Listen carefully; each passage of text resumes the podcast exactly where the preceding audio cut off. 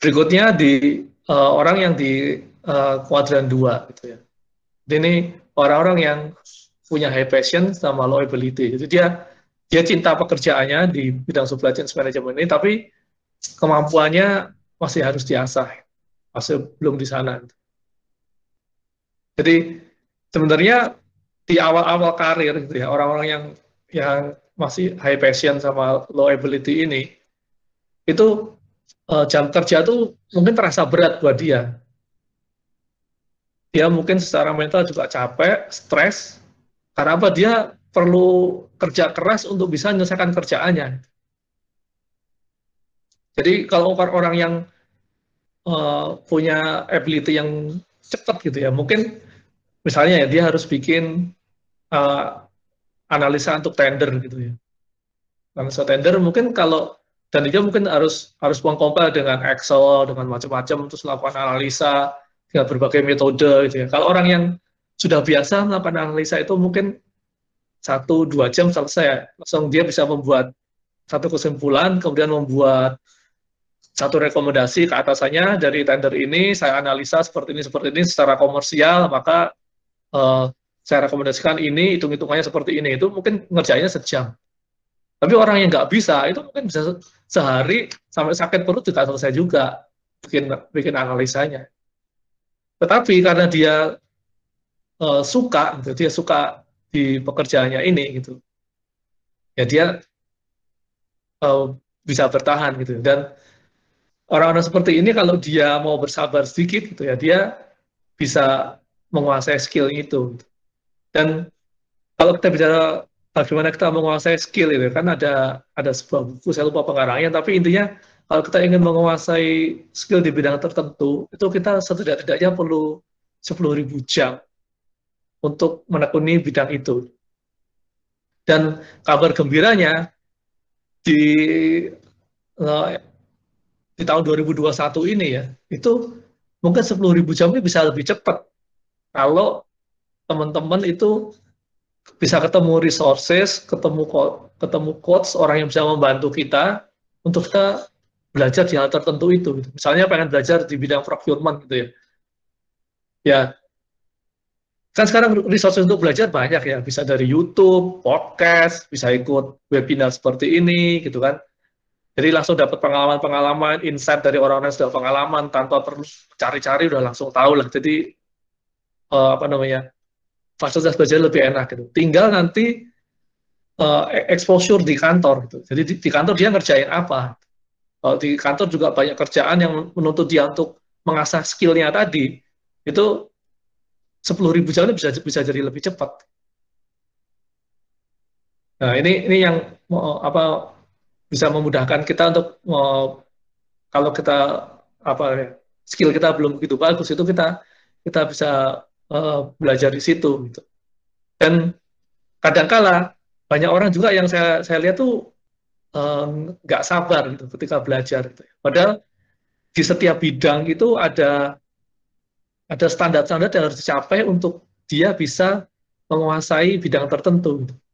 Nah kadang-kadang orang udah udah nggak sabar gitu.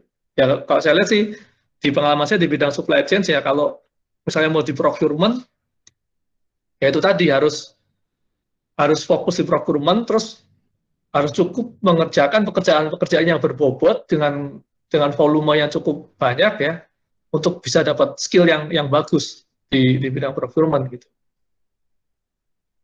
Nah, kadang-kala orang kalau belum belum belum capek waktu udah udah nyerah ya.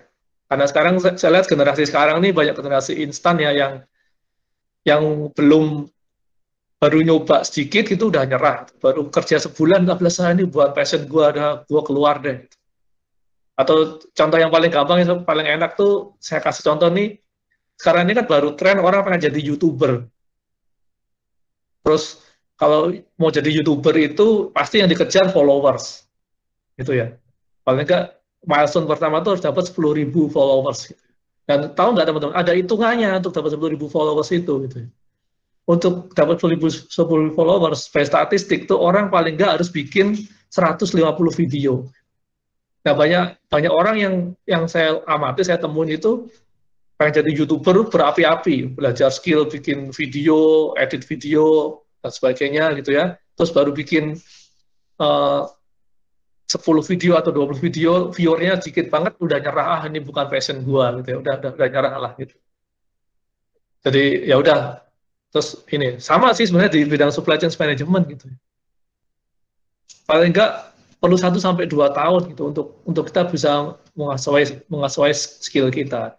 Ini ini yang saya saya, saya alami juga ketika saya menekuni bidang ini ya. Tadi di depan Pak Pak Brian mendapatkan pengalaman saya ya pengalaman saya profesional itu saya mengelola uh, supply chain management jadi pembelian barang sama jasa, logistik, warehouse sama inventory. Dan di luar itu, jadi di luar itu saya cukup beruntung karena saya dapat pengalaman yang orang orang lain tidak dapat gitu ya atau sedikit orang dapat gitu. Kalau pengalaman untuk mengelola oh, uh, procurement, logistik, uh, warehouse sama inventory itu saya saya kira banyak banget orang yang punya pengalaman di sana. Tapi pengalaman untuk mendevelop suatu organisasi SCM ya dari saya organisasinya kecil terus digedein gitu ya kemudian pengalaman untuk bukan mendevelop tapi mendesain organisasi ACM dari nol. Jadi kalau yang mendevelop tadi kan sudah ada, dikembangin. Ini kalau mendesain dari awal itu seperti kita menggambar kertas kosong. Ini kertas kosong mau dibikin, mau dibikin apa organisasi SCM-nya ya. Bikin organisasinya, udah bikin uh, metric responsibility, kompetensinya harus seperti apa, kalau level supervisor harus dia kompeten di bidang apa, superintendent harus kompeten di bidang apa, manajer harus kompeten di bidang apa, membuat seperti itu, terus setelah didesain, diimplementasikan, gitu. Itu menurut saya pengalaman yang, yang sangat berharga. Dan pengalaman untuk mendevelop sistem ERP, gitu ya. Sama juga pengal dan juga pengalaman untuk mendesain ERP dari nol. Nah, itu pengalaman yang menurut saya eh, cukup apa ya cukup berharga buat saya selain yang pertama tadi ya mengelola eh, SCM secara keseluruhan. Jadi uh, kembali ke sini ya, jadi itu skill itu memang poinnya mau saya sampaikan tuh skill itu perlu dipelajarin, perlu waktu, dan yang ketiga kalau bisa kita punya pengalaman yang berbeda-beda. Karena di era sekarang ini itu kita dituntut multi skills. Jadi jangan hanya menguasai procurement saja, tapi kalau bisa kita menguasai logistik, warehouse, inventory juga, sama yang lain-lainnya. Sama kayak koki gitu ya, koki akan lebih berhasil kalau dia multi skill, dia bisa masak masak uh, masakan lokal, dia bisa masakan Jepang, dia masakan Korea, dia bisa bikin masakan uh, Barat yang Western itu dia chance dia untuk lebih berhasil lebih besar. Itu sedikit tentang skill. Kemudian uh, yang ke satu, ini orang-orang yang high passion sama high ability. Jadi dia passionnya di sana sama kemampuannya di sana. Nah, sekarang saya baru mau ngomong soal passion. Jadi passion itu adalah uh, aktivitas yang membuat kita merasa berdaya. Yang merasa berdaya dan ketika kita melakukannya itu kita nggak terasa berat gitu. Meskipun ketika kita menjalaninya berat. Gitu. Banyak ada tantangan, ada hambatan gitu ya, ada kesulitan, kadang-kadang harus down. Kalau bahasa simpelnya itu ketika kita menjalani karir ini tuh nggak banyak yang like, nggak banyak yang subscribe gitu ya, nggak banyak yang share gitu ya, bahasa gaulnya gitu ya. Tapi kita ketika kita belajar kita merasa flow. Waktu itu cepat rasanya. Satu minggu itu tahu-tahu, wah udah Jumat lagi. Kita merasa flow kita ngerjainnya. Jadi kita punya pun, uh, punya aktivitas, aktivitas yang kita kita senangin, dan kita punya ability di situ, dan kita dari update itu kita punya kemampuan yang kita skill yang kita bisa kuasain untuk mengerjakan aktivitas yang membuat kita berjaya. Kurang lebih seperti itulah. Jadi lagi saya ini saya quote dari yang dari bukunya uh, Coach Rene ya. Passion is not what you good at, it's what you enjoy the most. Jadi passion itu bukan apa yang yang yang uh, bagus kita lakukan, tapi yang yang paling kita enjoy, uh, paling paling kita enjoy kita lakukan itu passion kita. Ya, saya saya mau saya mau uh, kasih contoh aja ya. Jadi sesuatu yang saya good at, ya, yang saya bisa lakukan dengan baik itu. Jadi tanpa tanpa bermaksud uh, pamer atau menyombongkan diri itu tahun 2010 itu saya pernah memenangkan lomba foto tingkat internasional dan saya dapat hadiah 4.000 dolar. Jadi teman-teman boleh cek ada berapa sih orang Indonesia yang pernah lomba menang di lomba foto tingkat nasional dan hadiahnya itu 4.000 dolar. Gak banyak gitu.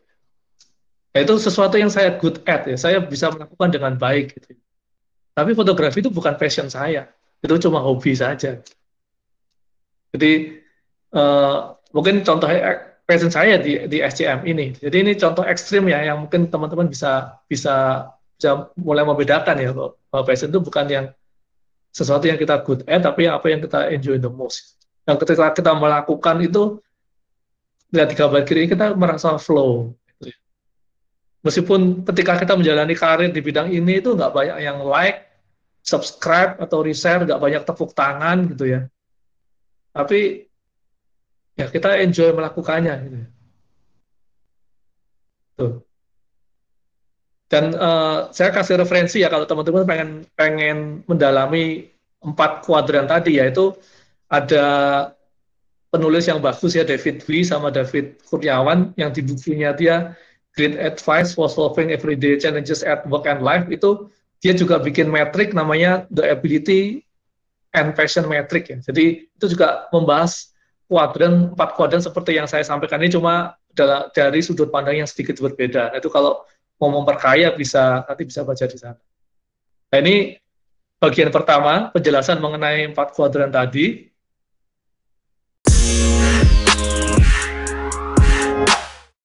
Sekarang hasil surveinya gitu. Dari jadi saya uh, mensurvei 100 profesional yang bekerja di bidang SCM dengan empat pertanyaan tadi gitu. Jadi uh, Anda ini masuk kuadran mana nih? Satu, dua, tiga, atau empat gitu ya ternyata uh, respon yang saya dapat 99 ya sorry nggak nggak pas 100 ya ada 99 sebenarnya yang satu ini dia ngisinya double jadi saya saya terpaksa nggak pakai datanya jadi saya pakai 99 dari 99 itu 56% itu bilang dia punya high passion sama high ability kemudian 37% bilang mereka high passion tapi low ability jadi dia suka tapi uh, kemampuannya belum baik, jadi masih perlu diasah. 7% itu bilang dia punya low passion sama high ability. Nah, jadi uh, karena ini surveinya survei survei yang sifatnya pertanyaan reflektif, maka saya harus, memak harus memasukkan ada faktor uh, penilaian bias. Jadi kita itu ada satu penelitian yang, yang bilang bahwa kita itu cenderung bias ketika menilai diri kita sendiri. Dan itu pernah diteliti di di Amerika gitu ya. Di penelitiannya judulnya 100 human. Jadi ada 100 orang dari berbagai negara bagian di Amerika diteliti gitu mengenai uh, apakah mereka biasa membuat dalam membuat keputusan mengenai diri mereka sendiri gitu. Jawabannya iya, 50% orang itu bias gitu. Tapi let's kita mari kita kesampingkan dulu bahwa hasil survei ini bias. Udah pasti bias ya, tapi dari sini paling kita lihat trennya. Yang kita lihat bisa kita lihat bahwa ternyata trennya itu separuh dari teman-teman yang ber berkarir di bidang supply chain management itu dia mengaku punya high presence sama high probability. Nah, ini kabar bagus lah. Artinya mereka ini orang-orang yang yang apa ya, yang yang nantinya bisa berkontribusi senang juga dalam di uh, apa dalam melakukan pekerjaannya gitu ya. Terus yang 37% itu yang high passion sama low ability. Nah, ini ini masih meskipun dia low, ability atau kemampuannya tidak terlalu bagus, tapi dia mencintai kerjaannya, dia punya passion di sana. Jadi dia punya kecenderungan untuk bertahan lebih lama itu. Jadi bisa dibilang ini 56 tambah 37 udah 80 persen ya orang yang di sini ini orang memang memang suka di kerjaannya. Dan ini menurut saya suatu hasil survei yang menunjukkan uh, tren yang cukup bagus, mengingat di Indonesia ini uh, 70% orang itu salah jurusan, salah jurusan di kuliah. Jadi terlepas di fakta itu, artinya dari 70% orang yang salah jurusan itu, kemudian ada yang berkarir di bidang supply chain management, bisa dibilang 80% itu dia suka di pekerjaannya, meskipun ada 37% yang masih perlu diasah skillnya. Jadi itu yang yang saya dapat dari hasil survei ini. Key takeaway-nya apa? Ini kesimpulan dari ini saya. Ada dua gitu ya. Yang pertama mengenai self awareness. Jadi salah satu kunci untuk kita bisa menemukan passion kita itu sebenarnya adalah self awareness. Jadi kesadaran tentang diri kita sendiri. Kalau teman-teman baca di tulisannya dari Harvard Business Review tentang uh, emotional intelligence gitu, uh, saya singkat HBR ya, Harvard Business Review itu dia bilang ada dia mensurvei ribuan leader di seluruh dunia. Gitu. Ternyata yang membuat para leader itu menjadi leader dan berhasil itu bukan IQ-nya, tetapi uh, emotional intelligence-nya. Dan, dan menurut di menurut HBR itu emotional, emotional intelligence itu ada lima. Gitu. Yang pertama self awareness, yang kedua self regulation, yang ketiga motivation, yang keempat empathy, yang kelima social skills. Nah, jadi yang pertama itu tadi self awareness. Dan di di tulisannya itu di di uh, artikel yang tulis Harvard Business Review itu self awareness itu dibagi jadi dua. Jadi internal self awareness sama external self awareness. Internal self awareness itu tidak semata-mata bicara mengenai saya suka makan apa, saya uh, bagus ketika melakukan melakukan ini. Jadi kemampuan skill saya bagus di sini, saya tidak bagus di sini. Uh, saya suka warna apa, saya suka bekerja di lingkungan seperti apa, tapi jauh lebih dalam dari itu. Self awareness itu juga melihat uh, kita potensi diri kita itu apa, gitu. yang sekarang sedang potensi diri kita apa, terus poten, potensi tersembunyi dari diri kita itu apa. Jadi self itu harus di harus didalamin sampai sedalam itu. Ya saya ulangi ya tidak sekedar tahu kita suka apa, kita bagus dalam melakukan apa, tapi harus sampai melihat potensi diri kita apa dan potensi tersembunyi dari diri kita apa. Itu untuk untuk kita bisa punya self awareness ya. Ya dari situ nanti kita baru tahu uh, aktivitas apa yang membuat kita berdaya dan kita bisa melakukannya dengan baik sampai kita bisa menguasainya gitu dan akhirnya bisa berkontribusi buat diri kita, keluarga kita, masyarakat dan juga tempat pekerjaan kita. Jadi uh, self awareness ini sangat penting gitu. dan ada banyak buku yang menulis tentang self awareness. Dari saya minum sebentar. salah satu buku yang cukup menarik dan dikemas dengan bahasa yang enak untuk dibaca gitu ya. Itu uh, buku karangan uh, Felix Sandro yang karang judulnya You Do You. You Do You ya. You Do You. Ini baru diterbitkan uh, akhir 2019 kemarin dan dalam waktu yang sangat singkat itu udah jadi jadi bestseller. Bisa ada di di toko buku uh, online juga ada ya. Nah, di di buku ini itu Alexandro ini menceritakan pengalaman unik dia untuk menemukan passion dia melalui uh, pencari, uh, pencarian self awareness dia. Singkat kata ya, saya kalau saya ceritain nanti panjang banget. Uh, waktu saya tinggal beberapa menit lagi ya. Si Felix Andrew ini selama 10 tahun dia ganti 9 kali profesi. Sampai akhirnya dia menemukan ini loh passion saya di sini. Jadi singkatnya gitu. Nanti kalau penasaran silahkan baca sendiri ya. Uh, saya bukan promosi buku tapi ini kalau teman-teman ingin memperkaya uh, lebih dalam lagi dari materi saya ini, tadi saya sudah tunjukkan beberapa referensinya ya untuk referensinya. Itu yang pertama self awareness ya, itu untuk kunci kita membantu kita untuk bisa merefleksikan karir kita di bidang supply chain gitu. Kuncinya self awareness. Yang kedua itu adalah uh, three, metodologi, yang disebutkan oleh Alvin, Alvin Toffler. Jadi di abad 2021 ini Alvin Toffler tuh bilang orang yang buta huruf itu bukan orang yang tidak bisa baca tulis. Karena dia orang yang buta huruf itu bukan orang yang tidak bisa baca tulis, tetapi orang yang tidak mau uh, uh, learn, unlearn, dan relearn. Dia tidak mau. Saya agak sulit menemukan padanannya di bahasa Indonesia ya.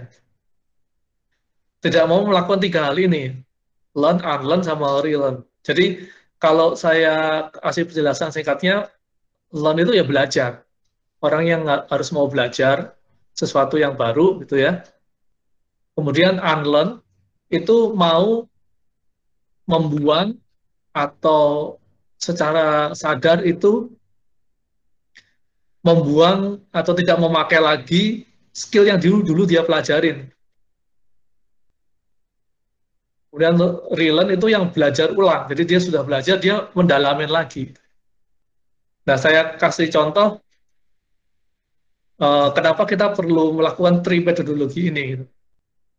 Jadi, uh, kalau teman-teman familiar di awal 2020 atau di akhir 2019 itu di Indonesia mulai uh, santer diomongin soal 5G. Ya kan? 5G dan uh, kalau teman-teman juga uh, sadar di tahun 2020 ini beberapa provider internet itu sedang membangun infrastruktur untuk 5G. Kalau di, di luar negeri, di beberapa negara itu sudah 5G ya, tapi di Indonesia infrastrukturnya sedang dibangun saat ini. Gitu ya. Nah, ketika 5G ini sudah di, sedang dibangun di Indonesia, saya baca artikel seminggu yang lalu, saya lupa di mana, gitu ya, itu ada dua negara kalau nggak salah Amerika sama Cina tuh sudah mau sudah mulai ngomongin 6G, 6G. Jadi betapa cepatnya dunia berubah. Gitu. Jadi kalau kita nggak mau belajar, kita pasti ketinggalan. Dan bagian dari belajar hal yang baru ini adalah juga unlearn. Kita harus harus mau secara sadar itu uh, membuang atau tidak memakai lagi hal-hal yang kita selama ini kita kerjakan karena ini sudah nggak relevan lagi, sudah nggak bisa dipakai lagi dalam dalam pekerjaan kita sehari-hari. Dan ini yang yang saya dalam perjalanan karir saya yang saya rasa paling sulit dilakukan uh, oleh banyak orang. Karena orang sudah bertahun-tahun, misalnya di bidang procurement atau di warehouse, di logistik itu ketika mengerjakan sesuatu caranya itu. Dia ya itu terus dia lakukan bertahun-tahun. Ketika disuruh berubah caramu itu salah gitu ya. Atau dikasih cara udah nggak relevan lagi.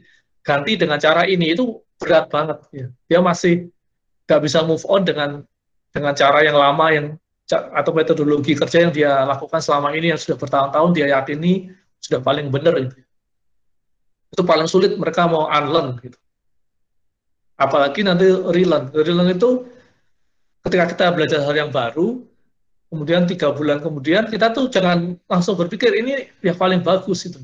Atau uh, saya sudah bukan paling bagus, ini saya, uh, saya sudah menguasai hal baru ini. Kita perlu balik lagi, belajar ulang lagi apakah review lagi apakah yang saya pelajari ini sudah benar, terus apa lagi yang harus saya dalamin, apa yang kurang, ya relearn lagi gitu ya.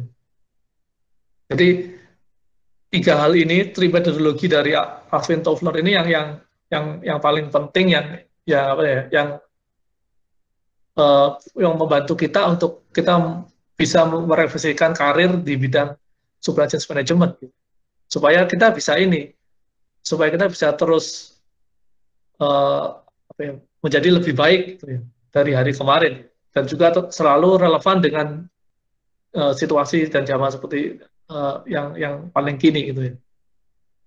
Ya contoh kecil betapa tri metodologi ini penting gitu ya.